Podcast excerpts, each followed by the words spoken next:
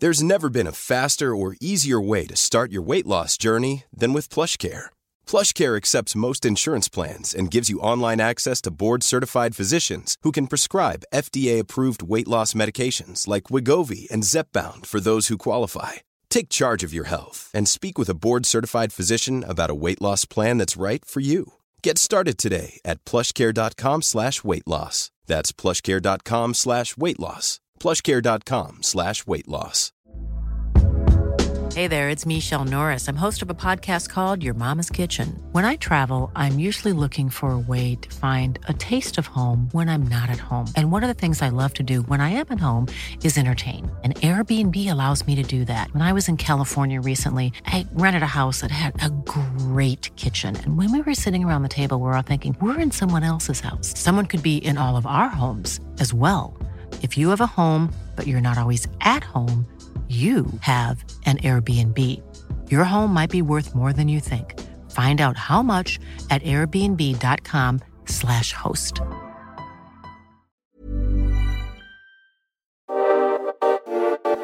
Ni lyssnar på Bagge och Brobacke podcast. I 30 minuter varje vecka kommer vi ge vår syn på marknaden med fokus på pris, makro och sentiment. Välkomna! Sådär, då var det dags för avsnitt 14 av Bagge och Brobacke podcast. Välkomna, eller som man säger på kinesiska. 欢迎收听八哥和 Brobacke 播客中国特辑。 Sådär, det var en liten hälsning från din eh, brorsa va, David? Det stämmer. Han är ju... eh, Han eh, har ju bott i Kina ett par år och eh, pratar eh, hyfsat bra mandarin även fortsatt, även fast det var länge sedan han var där. Då. Så att, eh, tänkte det var kul att klippa in honom när han ändå är på visit i, i Skåne. Fullt rimligt. Och du, vi ska ju eh, självklart prata brett om marknaden också, men vi börjar att fokusera på Kina idag. Eh, Mm. Kanske ganska naturligt med tanke på att vi har sålt av en hel del. Eh, Det har eskalerat här nu mot slutet, men du har ju egentligen sett en, en väldigt stor spread under hela året egentligen i Kina eh, mot jämfört med USA eh, och Sverige och sådär. Eh, och du, du, har ju, eh, du har ju fördjupat dig lite. Du har ju läst på lite David. Mm. Nej, men då, man kan väl börja med att konstatera bara att i januari, februari gick alla flöden in i emerging markets och Kina. Eh, varenda investmentbank låg överviktade Kina egentligen i början på året och det var där man skulle tjäna pengarna under året. Och sedan toppen i februari så har ju börserna vänt eh, ganska markant neråt. Jag kollade på eh, China A50, 50 största bolagen, är ner 27 procent sen toppen 15 februari, vilket är ju mer än vad det faktiskt var ner i coronakraschen. Så att jag tycker det känns helt rätt att, att köra en Kina-special, eh, för det är där eh, action har varit helt klart, eh, inte minst sista, sista veckan. Då. Historiskt sett så har ju sådana här större nedgångar, även om det kanske initialt inte har påverkat globala börser så mycket, så har det ju gett effekter. Du hade kollat lite på det där. Vi hade väl, eh, var det ända tillbaka till 97 där va? Mm, ja, exakt. Då började ju Thailand, spred sig till Asien och sen var det efter ett par månader så fick det ju ganska stora sättningar även i västerländska börser. Då. Och även 2014, 2015 eh, såg du en liknande också. Då. Där, där reagerade S&P efter två och en halv månad ungefär. Då. Så att, eh, sen får vi se om det blir så den här gången, men det, det är ju en, en, ett varningens finger i alla fall, eh, kan jag tycka, i, under augusti här. Eh, se om det händer något även här hemma. Nu börjar det ju nästan likna någon typ av eh, kapitulation här, i alla fall om man kollar de kortsiktiga graferna. Vi har ju nästan liksom, eh, eller det är ju det är liksom rakt ner. Eh, och, och volymerna tror jag också om man kollar på den här KVEB var ju extrema igår. Eh, jag vet att jag har ju varit kort Kina sedan 3 juni. Jag vet att jag pratade om det här i podden. Eh, fick inte med de här sista procenten, men det blev en, bra blankning. Eh, och det är det där man kanske glömmer bort att även om OMX eller USA handlats liksom sidled eller, e-, eller upp så är det ju andra saker som, som faktiskt har gått ner ganska mycket eh, under den här perioden. Då. Eh, har ingenting kvar där längre, men jag vet, du började, har du börjat titta på att köpa eller har du börjat köpa redan?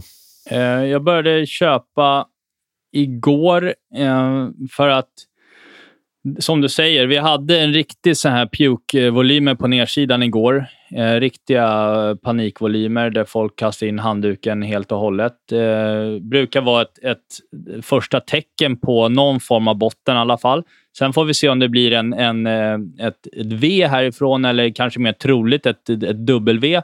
Att vi har en liten översålstuds här nu idag och att vi kommer ner en runda till på nedsidan då, där vi har en liksom final botten. Och den skulle ju, i den här höga volatiliteten som vi ser i Kina så skulle ju det kunna vara, det kan ju vara ett par riktigt painfulla procent ner till eh, kommande liksom en, två veckor eh, innan vi ser en riktig botten i Kina. Då. Men jag börjar skrapa lite på ytan. Jag har eh, köpt en lite mer långsiktig position i min eh, egna pensionsdepå. Eh, för eh, jag tror ändå att här under kommande en, två veckorna eh, så att har man en vy in i nästa vår, säg att du har en, eh, horisont på sex till åtta månader, så tror jag att du kommer ha gjort en ganska bra resa på e-, Kina-exponering. Och jag ser väl större potential studspotential, om man så säger, i, i Asien än, än, vad, än vad jag kanske ser på, på S&P då, in, till, in till april ungefär härifrån. Då.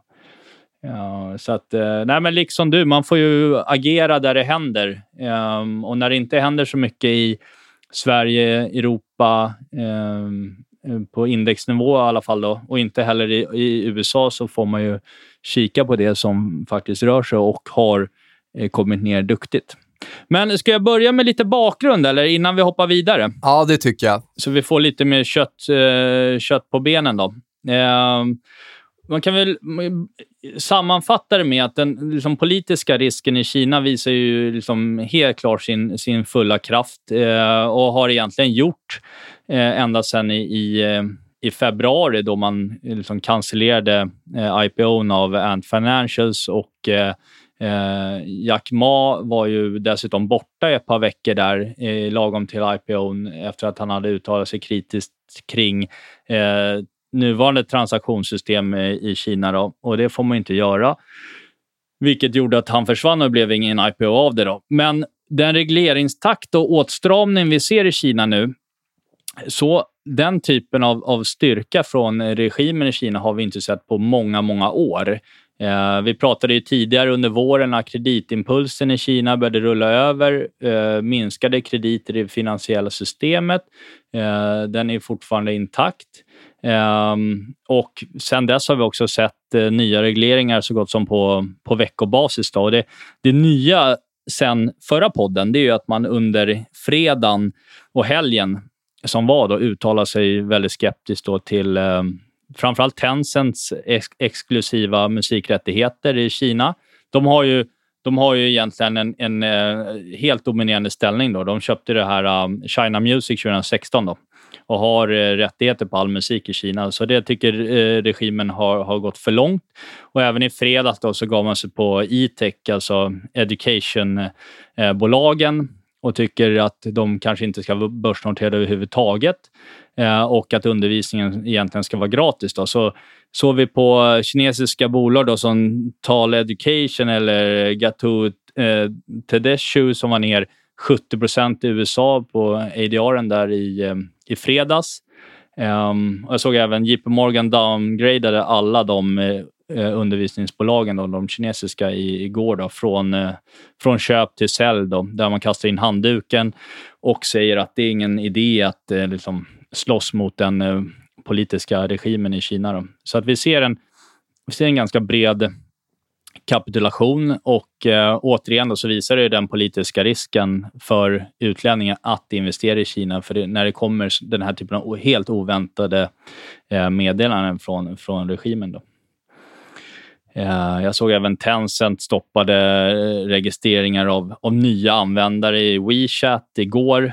Eh, de skyller på en säkerhetsteknisk uppdatering, då, för, men det har ju att göra med en, Ja, exakt. Det är ju mer om nya regleringar och så att de ska anpassa sig till, till nya, nya lagar. Då. Och Tencents aktie är ju ner riktigt duktigt, eh, även senaste veckan, men även sen då, i, i vintras. Då. Så att, eh, det är väl bakgrunden till det hela. Um, och jag, jag, tycker, jag tycker du, om vi, det du började med där, att prata present och köpa in och vad vi tittar på. Jag sitter just nu och kollar på CQQQ som är alltså mm. Invescos eh, tech, Kina Tech ETF. Då. Mm. Och den handlas där vid 67 eh, dollar. Det var ju toppen från eh, 2017. Eh, det var också eh, liksom även en viktig nivå i 2020 som vi bröt över och, och, och liksom återtestade och sen stack vi upp en, en nästan en 30-40 dollar därifrån och nu är vi tillbaka där. Så jag, skulle väl, jag, tyck, jag tror att det scenariot stämmer ganska bra om det du säger. En, antingen en botten här, skulle vi bryta den nivån, då är det nog en 10 ner till i det kontraktet där liksom den, den större trenden möter upp. Då.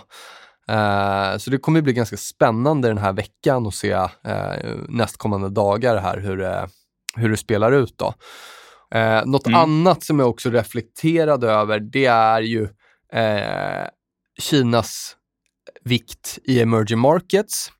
Emerging markets, som du säger, hade ju liksom väldigt bra eh, performance, men har börjat vika över. Också ett kontrakt som du och jag har pratat om. Och den här senaste smällen nu innebär att vi faktiskt är under 2018-toppen. Eh, och det tycker jag inte ser bra ut tekniskt. Alltså vi, vi, vi har nu haft alltså ett par månader eh, över den nivån och där vi försökt att ta ut den stora toppen från 2007. Men nu den här månaden så, så går det väldigt snabbt och vi fallerar under den där nivån och nu är vi liksom under hela det här stora motståndet som, som agerade motstånd i liksom 12 år. Eh, och det är ju inte det vi vill se när vi, vi börjar bryta upp över ett sånt motstånd. Då vill vi ju gärna försvara, eh, försvara det på, liksom, på köpares sida. Då. Så att mm. eh, det där kan ju ändras. Det är ju dels några handelsdagar kvar på månaden och, och, och mm, kan ju se om den här 2018-nivån och då är det 50 i breda EEM-ETFen jag tittar på. Eh, om den kan försvaras av köpare, men handlas vi under den, då tycker jag inte det ser, eh, ser bra ut eh, faktiskt. Så, Nej, men det kan ju finnas ja. en avslutande liksom, panikare på nedsidan, lite som vi pratade om ju. Ja, men, det, men, det, men den Om du bryter. Ja, och, de, och den, jag menar, den, den kan vi tåla och ändå ta oss upp över 50 igen. Men etablerar vi oss mm. under 50, får vi månadsstängning den här månaden, får vi månadsstängning nästa månad. Eh, och, och, och eh, nu är det här EM, eh, alltså Emerging Markets ETF, men jag kan även om jag tittar bort mot till exempel Regional Banks i USA, då är det ungefär samma nivåer vi pratar om, det vill säga 2018-topparna och de var mm. väldigt viktiga när vi bröt över dem och har gett stöd sedan dess. Så ska vi nu fallera de nivåerna i det långa loppet så är inte det bra, tycker jag inte alls eh, faktiskt. Men, ja, jag, eh, tror, jag tror ju dock att de kommer, allt det där kommer tillbaka ja, eh, ja. under hösten här. Men, men Ja, och, Låt se. Ja, exakt. Och det, jag menar, det är väl precis det här vi vill se. Om vi vill nu vara positiva till en inflationstrade, en emerging markets trade i höst och allt det där, då är det ju den här shakeouten vi vill se. Det sa vi väl, tror jag, till och med förra veckan.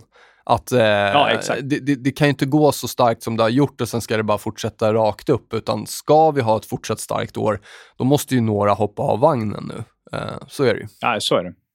Eh, om man tittar på de här tecknamnen då som har eh, kommit ner, eh, så en lite intressant spaning är ju att det är ju, även om kursnedgångarna är i kinesiska bolag, eh, så är det ju otroligt få kinesiska storägare i de här namnen. Eh, tittar vi på Tencent exempelvis, som vi eh, pratade om, Eh, där finns det en kinesisk spelare av de topp 10 på, på ägarlistan. Eh, tittar vi i eh, Alibaba, där har ju största ägaren är ju Softbank. Och Softbank eh, är ju kända globalt för att gå in och, och, kanske inte rena startups, men är med och finansierar många västerländska bolag på vägen och även köper in sig i börsnoterade bolag i väst. Och det är klart att har du då ett ett av de tyngre innehaven i, i Softbank eh, och som Alibaba, då, om, den, om den fortsätter gå väldigt knackigt som det har gjort nu sista månaderna så är det ju, kan man ju i alla fall tänka sig att Softbank kommer dra ner lite på nya investeringar i, i väst då, tills man har fått ordning på, på, på Alibaba. Då. Rent, om inte annat rent psykologiskt, att man liksom tar ett beslut att vi ska nog Eh, uh, bida vår tid lite och kanske inte hoppa in i så mycket nytt. Då. Så det är väl också en sån grej som kan, uh, kan um, göra att det är, blir lite svårare att få kinesisk finansiering i väst då, uh, under, under hösten. Då. tittar vi på Baidu så är det ingen kinesisk institution bland topp 10-ägarna, utan det är ju eh, eh, europeiska och framförallt amerikanska jättar som, som äger de här namnen. Och det är väl inte omöjligt att vi kommer se, och även en hel del amerikanska hedgefonder är inne i mycket av de här namnen. Eh, så det är väl inte omöjligt att vi kommer se en del lite större eh, hedgefondförluster som kommer rapporteras här i, i augusti efter de här fallen vi har sett. Och det är inte heller helt orimligt att tänka sig att en del eh, institutioner kommer ta hem lite, lite vinster i kanske då amerikansk tech. Eh, med tanke på hur den andra delen, då, kinesisk tech, har, har gått eh, väldigt svagt. Då. Så ur ett rent portföljperspektiv så borde man ju allokera upp den som har, har gått svagt och allokera ner lite i det som har gått starkt. Ja, vi fick den frågan på Twitter, vad vi tror att eh, flödena har gått nu då. Och jag tror, alltså nu vet jag inte, men om vi tittar då om vi zoomar tillbaka så kan vi ju se att eh, Bonds har ju varit en väldigt bra placering eh, de senaste månaderna och det är väl inte jätteorimligt att tro att stora institutionella investerare som legat tungt mot Kina har sålt den exponeringen under eh, året eh, och eh, gått mot Bonds då. Nej, exakt. Det är ju det vi ser i, det är det egentligen de, det vi ser i kurserna. Mm. Um, om det här skulle bli lite större, nu är det ju egentligen mest kinesisk tech. Det har börjat spilla över. Nedgångar har även spillt över i andra sektorer nu på slutet också. Då. Men tittar man på de länder som har störst liksom, exponering mot, mot Kina i procent av BNP eh, eh, så är det ju framförallt, eh, om man tittar på Europa, då, så är det Tyskland, det är 2,5 procent nästan. Då. Sverige är på 1,1 så det är inte någon sån jättestor grej. Och eh, EMU-området har 1,3. Men Kina är ju en eh, Kina är ju en viktig, en viktig spelare globalt. Um, och man brukar säga when China sneezes the world catches a cold, vilket var helt rätt i, i, med, med, med coronan, bokstavligen talat kan man ju säga. Ja, det blev ju um, lite för, eh, för, mer än en för träffsäkert kanske, men... för att det skulle vara roligt kanske nästan. Och det där är ju nu men frågan för... också, hur, hur, hur blir det där egentligen? Hur, hur, hur repar man? Alltså, någonstans så har ju kanske världen ändå förändrat sin bild eh, på Kina. Hej, jag Ryan Reynolds. På Mint Mobile, we like to do the opposite of what Big Wireless does. They charge you a lot, we charge you a little. So naturally, when they announced they'd be raising their prices due to inflation, we decided to deflate our prices due to not hating you. That's right. We're cutting the price of Mint Unlimited from $30 a month to just $15 a month. Give it a try at mintmobile.com slash switch. $45 upfront for three months plus taxes and fees. Promo for new customers for limited time. Unlimited more than 40 gigabytes per month. Slows. Full terms at mintmobile.com. If you're struggling to lose weight, you've probably heard about weight loss medications like Wigovi or Zepbound, and you might be wondering if they're right for you. Meet Plush Care, a leading telehealth provider with doctors who are there for you day and night to partner with you in your weight loss journey. If you qualify, they can safely prescribe you medication from the comfort of your own home.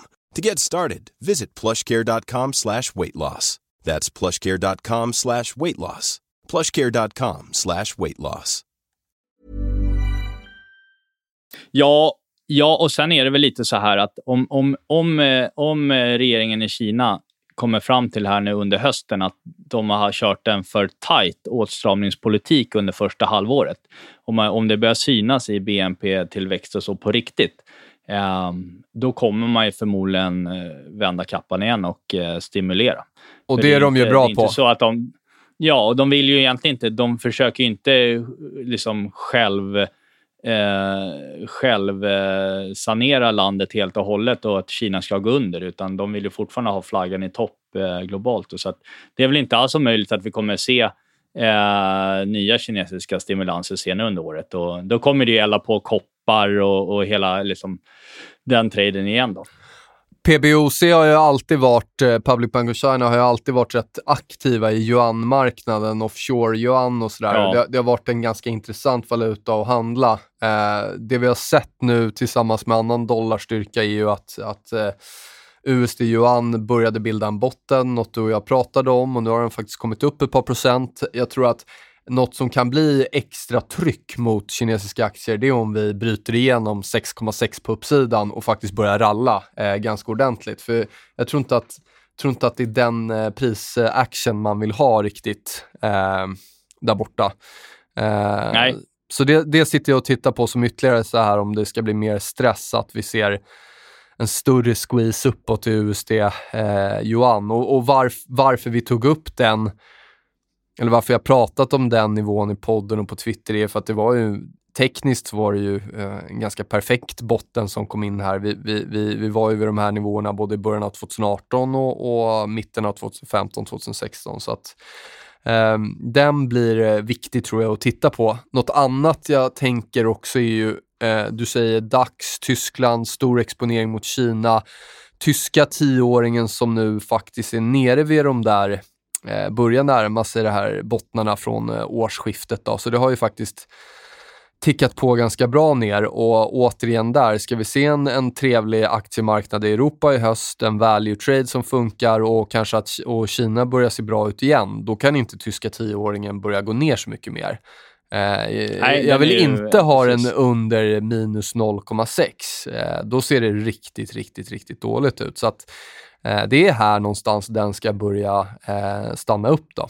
Eh, och som jag sa förra avsnittet så har jag börjat shorta eh, tyska tioåringen lite, då, smått än mm. så länge. Men om vi nu inte ska få ett, ett riktigt, en riktigt dålig höst så, så, ska, så ska räntan börja bottna ur här snart och bondsen ska börja toppa ur snart. Det är väl min syn. Ja, och det, där, och det är samma bild eh, globalt också. Ja. Jag menar, räntemarknaden följer ju varandra ganska, Så ganska väl. Så är det. Eh, tioåringen har ju, i USA har ju en liknande bild. Vi var nere på 1,13 som vi pratade om förra veckan. Studsat upp till 1,25 nu. Um, antingen är det en liten översåld eh, bounce och att vi har ett nedställ neråt igen, vilket jag tycker mig kunna se att vi bör i kommande två till tre veckor ha ett ställ till på nedsidan. Men att vi där någonstans sätter liksom räntebotten för, för hösten. Då. Eh, jag, har inte, jag har inte lagt på någon mer räntetrades. Vi pratade om det förra veckan nu. Vi började eh, köpa lite amerikansk tioåring, eh, spekulera i ränta upp. Det gjorde vi förra veckan. Sen dess har det kommit upp lite grann. Då, men men vi har inte lagt på något mer, utan vi bidar vår tid här och ser lite vart det, vart det tar vägen just nu. Då. Just det. Uh... Något som ser sjukt starkt ut ändå, måste jag säga, eh, det är ju DBC, eh, Brett Commodity Index. Eh, mm. Den försökte att, att bryta under, Eh, liksom, det har ju varit ett, ett jäkla eh, commodity-rally här och den försökte att bryta under de där viktiga nivåerna från eh, 2018-2019, alltså tidigare topparna. Och liksom, men, men, men det blev en dags test där och sen vart det rakt upp igen. Då, så att det ser ju starkt ut. Är vi över 18 dollar i, i DBC, Invesco Commodity Index, så, så ser det ut som att eh, råvarutrenden ska fortsätta. Eh, och det är väl lite olika råvaror som turas om att driva, men eh, jag tycker det är rätt fint att ha, och ta, eh, få ett så bredare index för att och liksom få den lite bredare trenden också. Men det, det kan jag ändå se att det finns en relativ styrka i, i råvaror. Och Eh, ja, det talar ju för att inflationstraden ska på't igen här i Ja, inom kort. och jag såg eh, positioneringen i Klippan exempelvis som var väldigt eh, håsad. Eh, alla satt för uppgång eh, och sen dess har ju kopparn kommit ner nu under våren in i sommaren.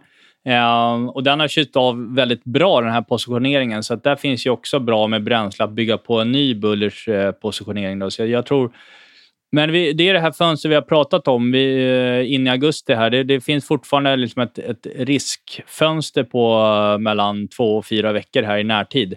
Eh, där jag tror man ska fokusera på att addera saker, typ cykliskt, value, råvaror, eh, Kina, emerging markets, att man adderar det på nedställ och man behöver inte vara att jaga, jaga dagar där börserna går upp, utan att man kan eh, köpa in i aktier som kommit ner, eh, vilket vi också har gjort. Då. Sen har vi många aktier som vi har kikat på, eller de här europeiska bankerna som vi löp på förra veckan.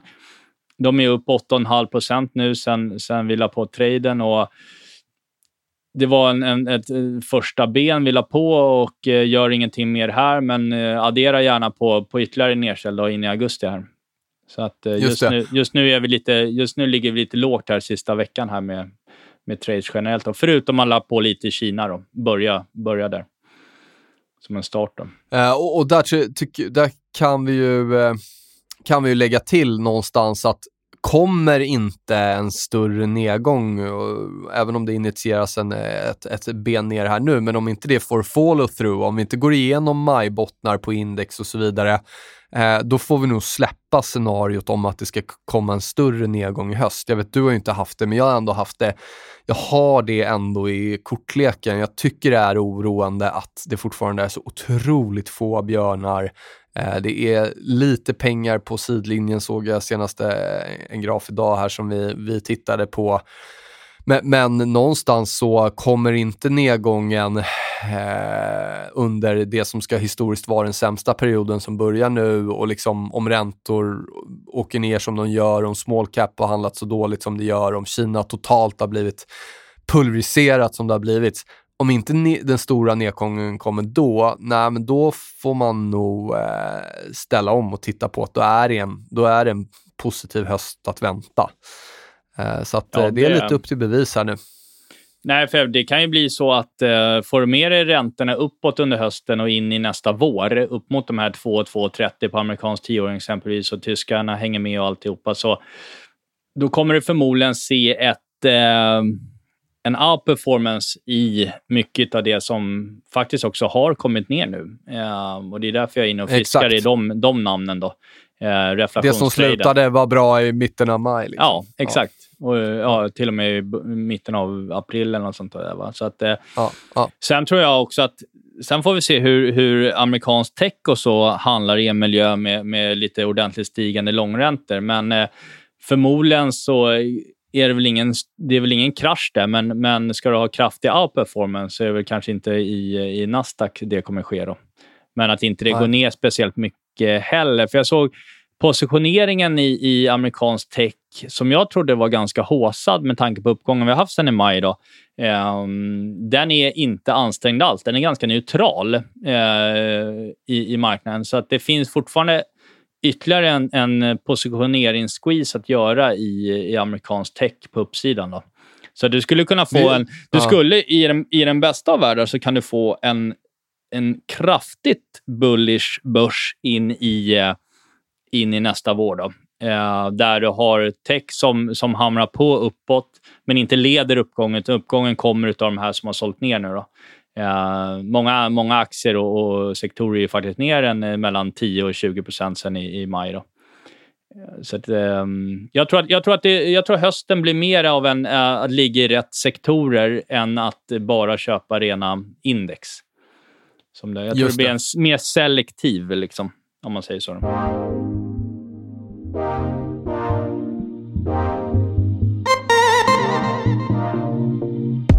Ska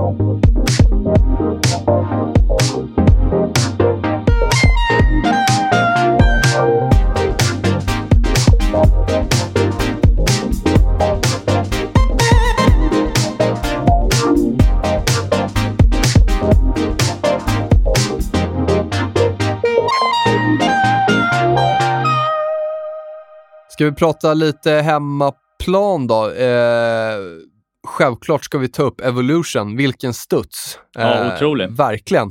Där är vi tillbaka vid 1600. Det var där jag började bäsa den där aktien.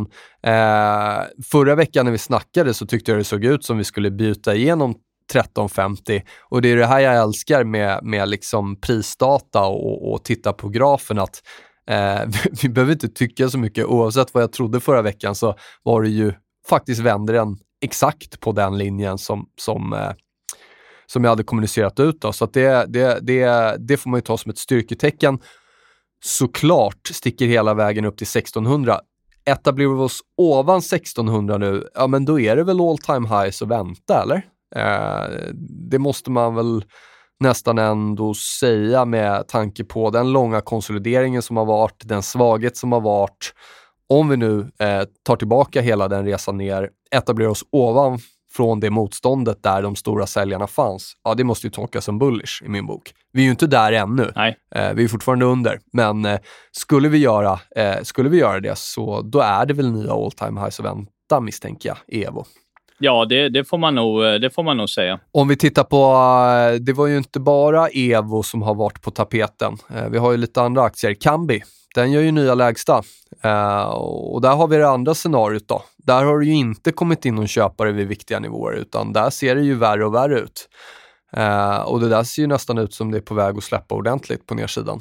Uh, jag tror innan vi gick in i sändningen här att det var nya lägsta, eller precis på lägsta. Då. Så att, kan ni göra samma sak som Evo gjorde nu och faktiskt köpare kommer tillbaka starkt, den här veckan stänger bra över den nivån, eh, då ser det såklart bättre ut. Men, men eh, vi ser inga tendenser till det ännu i alla fall. Nej, den har faktiskt varit, den har varit riktigt svag sen rapporten, in i rapporten också. Mm. Um... Du, det blev ju bra eh, bitcoin. Eh, nu kunde ju inte jag köpa någonting i förvaltningen, mina mandat tillåter inte det, men du köpte ju där vid 30 000. Det blev väl trevligt va? Ja, det var på min eh, egna lilla tradinglåda på IG. Ja, ja det, det blev men bra och jag, jag, ökade den eh, på 29 och 7 eller vad vi var nere på också. Uh, sen jag har tagit kortsiktig vinst här nu, uh, senast ja. i, i, um, i morse. Här då. Uh, men otrolig, otrolig studs. Jag har ju även en, en, eh, en eh, aktieexponering i London, Argo Blockchain, en mindre post.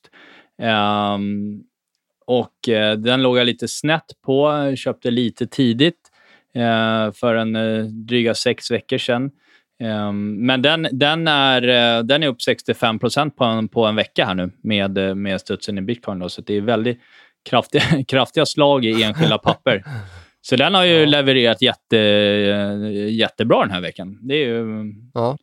Det är ju flagg, flaggskeppet just nu. Lite kul att se att just eh, om man prisar bitcoin mot S&P så var det förra veckan och det vet jag att den grafen cirkulerade lite på, på Twitter eh, liksom ett, ett bra tag innan rallyt kom att eh, bitcoin prisat, eller relativt mot S&P så var vi nere vid jäkligt viktiga nivåer. Mm. Eh, och, och, det gav ju i alla fall initialt en väldigt bra studs. Sen om bitcoin ska fortsätta överprestera eh, S&P relativt, det vet jag inte, men Eh, den relationen är faktiskt eh, väldigt intressant att kolla på. Så kan jag tipsa om. Mm. Mm. Ja, tack. Har vi några andra grafer, något annat att prata om? Ja. Jag har betat igenom det mesta på mitt håll i alla fall. Ja, jag tycker att eh, tittar man på, på, på indexen i Europa och eh, även i USA då, så tycker jag att det ser ut som eh, eh, att det är på nytt nu då, eh, efter den här senaste en och en halv veckas eh, skarpa rally som vi har haft, tycker jag att det, det känns som att vi står inför en förnyad rekyl nu då, in, i, in i augusti. Eh, även om uppgången då var ju betydligt starkare än vad, än vad jag trodde. Då. Det var ju, gick ju otroligt starkt i, i förra veckan. Eh, ja, och, där, och där ska man säga i vissa grejer. Ja, i vissa grejer. fortfarande vid, oh ja. vid april toppen. Så att, men absolut. Eh, sen är det ju så här, det är otroligt stor selektivitet inom, både i USA, eh, alla de divergenser vi har pratat om med antal aktier över 20 dagars glidande. Vi, vi har pratat om eh, Dow Jones Transportation mot S&P, VIX mot S&P. Alla de divergenserna är fortfarande helt eh, intakta. Eh, och ja. 40 procent av aktierna inom Stocks 50 är ner eh, mellan 10 och 27 procent från 52 veckors högsta medan Stocks 50 i, i sig då är ner 2 procent från, från all time high under, under våren. Då. Så att selektiviteten är ju otroligt stor. Um, och Jag tror att det, det, är just det de här som har kommit ner. Det är mycket cykliskt och valuebolagen som har kommit ner när, när långräntorna har kommit ner. Då. Jag tror att det är där man... Så min bild, min bild är intakt, att det, det är de man ska kika på att köpa på, på nedställ. Då. Jag har själv har jag köpt en, en hel del den typen av aktier i, i, i ja, i förra veckan och på, på nedställen vi hade faktiskt initialt på veckan där, men har inte lagt på några nya egentligen köp sista veckan egentligen, eh, sista dagarna. Jag rider kvar, i, köpte en hel del Boliden, köpte H&M, eh, köpte lite Elux efter rapport. Eh, jag har inga, inga nya inga nya case, utan snarare att jag fokuserar på att öka upp i namnen då på, på, på ett nedställ som jag, som jag tror kommer in i augusti. här då. Mm. Ja, men det, det, det, som en trade för hösten, så att säga. Jag tycker det är viktigt att du tar upp det, för liksom vi, har, vi, har, vi och, många, och andra har pratat om att vi ser eh, problem med bredden och divergenser på aktiesidan, men som du säger, nu har det även kommit i vollan, det har kommit i momentum, så att trots att S&P var, var på ett nytt all time high häromdagen, så att eh, det, det, det, liksom, det ökar ju så att säga ökar ju signifikansen av de typen av signaler när du ser det mer brett. Vi såg det även i liksom räntemarknaden med high yield och tioåringen och sådär. Absolut. Nej, jag tycker att, jag tycker att, eh, jag, jag, tycker att det finns eh, klar klar, eh, eh, klar risk att vi faktiskt får en, en, en, en nedgång in i, i augusti här. Men det är också nu, det är de kommande fyra veckorna så är den svagaste perioden på hela året säsongsmässigt, om man tittar i USA. Så det är nu den ska komma in i Jackson Hole som är om en månad. Då. Exakt. Um, Skulle vi se, jag, jag, vet ju hur det var eh, i höstas, eh, somras, höstas. Då var det ju, trots att det var en historiskt väldigt dålig period, så handlades ju jag vet att det pratade jag mycket om då, att ett super risk-on-marknader som Frontier Markets och så vidare var plus under den perioden. Mm. Så skulle vi se, liksom en, eh, eh skulle vi se risk-on-tillgångar, small cap och, och massa saker som egentligen ska vara, som ska vara ja, som ska ha det tufft i en sån period, om de börjar se bra ut relativt, då är det ett styrketecken för marknaden överlag. Jag, jag tycker att Absolut. säsongsmönster är mer effektivt när det avviker från det historiska, så att säga. Absolut. Eh, så, så är det ju absolut. Och återigen, om, om inte en större nedgång initieras av liksom ett ben ner till nu, Kina-ras och så vidare, det där, kommer det inte nu här under någon månad eller två, då, då, då är du nog helt rätt på spåret att den här hösten ska bli en, en, liksom en, en trevlig inflationstrade igen. Men eh, jag låter det vara osagt. Jag kommer inte börja köpa grejer ännu. Eh, har, jag, har jag hållit mig tills nu så ska jag hålla mig lite längre också. Vi kan väl ha, vi, det är ju helt klart möjligt att vi får som vi brukar se. Det blir ett starkt september. Eh, det blir en, en liksom rekyl in i mitten av eh, oktober som vi ofta ser. Eh, och sen den starka perioden på hela året, det är ju från eh, slutet av oktober, början av november, mm. det skiftet där, in upp till april. Low förra skulle... året var 30 oktober, så det, det var väl exakt ja. enligt den planen. Ja. Ja, och jag skulle tro att vi ser ett, jag menar, jag tror att vi kommer få se en större topp på börserna mm, i uh, nästa vår. Um, och um, jag tror den bilden kommer liksom spela ut uh, ganska väl. Jag tror att vi en target på runt 25 000 på, eller 2500 på OMX. Uh, eh, möjligtvis har vi overshootat lite där upp mot 2,6 in i liksom april, maj.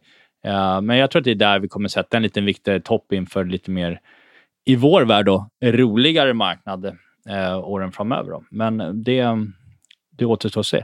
Du, ska man prata någonting om FOMC-mötet ikväll då? Podden kommer ut efter det, men ja, det gör den. man kan väl ha någon form av, uh, av take redan innan här. Vad har du för take då, Mr Bagge? Ja, det, alltså, men tittar man på, på datan som har kommit i USA sista eh, veckan eller veckorna så har vi ju så amerikansk makro börjar ju vika neråt ganska kraftigt. Eh, US Economic Surprise Index har svängt ner till negativt eh, Eh, för första gången sen, sen covid-kraschen. Eh, eh, och frågan är ju om Powell i ett sånt läge redan nu i juli då, vågar vara speciellt hawkish. Jag tror han kommer upprepa mycket av det han har sagt tidigare och att det blir ett eh, liksom hyfsat eh, non-event. Liksom lite mer steady as she goes. Så att, eh, och sen kommer vi skifta fokus ganska snabbt till, till Jackson Hole istället då, den 26-27 eh, augusti. Då. Mm. Eh, men det, det, det, det blir en intressant eh, presskonferens med Powell. Helt klart. Det är väl inga nya dot plots idag tror jag, utan det blir mer vad han säger och eh, hur nyanseringen i vad han säger skiljer sig från vad han sa vid förra mötet. Då. Ja, alltså, och jag, jag, tror ju att det där, visst det, det, för de som är väldigt, väldigt pålästa så kanske man kan göra den nyans, eller se skillnad på den nyanseringen, men jag skulle säga så här, för mig alla får göra som de vill, men för mig så blir effektivaste att förstå vad Fed säger eller vad som sägs, det är att kolla på hur, hur de viktigaste makrotillgångarna handlas efter eller under det pratas och framförallt hur, liksom, om initial volatilitet men hur det sen börjar trenda efter det. Det brukar vara den bästa tällen för mig. Ja. Inte lyssna på så mycket vad folk säger utan titta på hur priset agerar efter att folk har pratat. Verkligen. Nej, och det, tittar man på, det är dollarn och långräntorna som blir framförallt det, det viktiga att hålla koll på där. Och jag tycker ändå, tittar man på dollarn så tycker jag att vi, dollarseken exempelvis har haft en väldigt fin rekyl nu sista sex dagarna. Och Jag tycker ändå att det ser ut som att det, det bör finnas ett ben till, till uppåt. Eh, Tittar jag eurodollarn, eller euron är 60% av dollarkorgen kommit ner i översåld nivå i vecka. Jag tror att liksom, så i krokarna så börjar vi se en topp i, i dollarn, men det är möjligt att vi ska ha ett sista ben uppåt, då, vilket skulle kunna samspela med lite stök in i första halvan av eh, augusti. här då, på börsen. Något som där när det är dollar så pundet ser ändå ganska starkt ut mot Mm. dollarn. Jag tror det är en sån här, en relativ, om, om den visar relativ styrka här nu, då är det nog ett, en trevlig trade som vi var inne på här för någon vecka sedan. Kolla på UK i höst. Eh, Mm. Det kan nog bli, om, om pundet håller ihop så bra det gör ändå, så ja, det är lite sån här tell att hålla koll på. Mm. Ja, Och yuanen såklart, som vi sa där, USD-yuan, är vi över 6,6 så kan det där bli riktigt, riktigt jobbigt, eh, tror jag. Ja, och det stora riskeventet i yuanen, det är ju att Kina devalverar igen. Eh, det kommer vi ihåg exempelvis att de gjorde precis efter nyår 2015 var det va? Eh, när jag var på eh, bröllopsresa. Eh, då, kom, då, kom, då devalverade man ju ganska kraftigt den gången. Eh, och eh, börsen, jag tror OMX föll typ 8% på två och en halv dag eller någonting. Um, och det där är ju, det är väl någonting som egentligen skulle kunna ske i ett sånt här läge också. Det vore ju inte, um, det vore inte positivt för, för vänsterländska börser heller det skulle bli en ganska initial chock där. Men det låter vi vara osagt. Det får vi se. Det händer inte det så låter vi vara ofta. osagt. Det är ett par, det är ett Du, par år eh, emellan. Kul att prata igen Bagge och vi Verkligen. måste tacka alla våra fantastiska lyssnare. Kul att ni fortsätter att supporta och skriver och hör av er. Superroligt.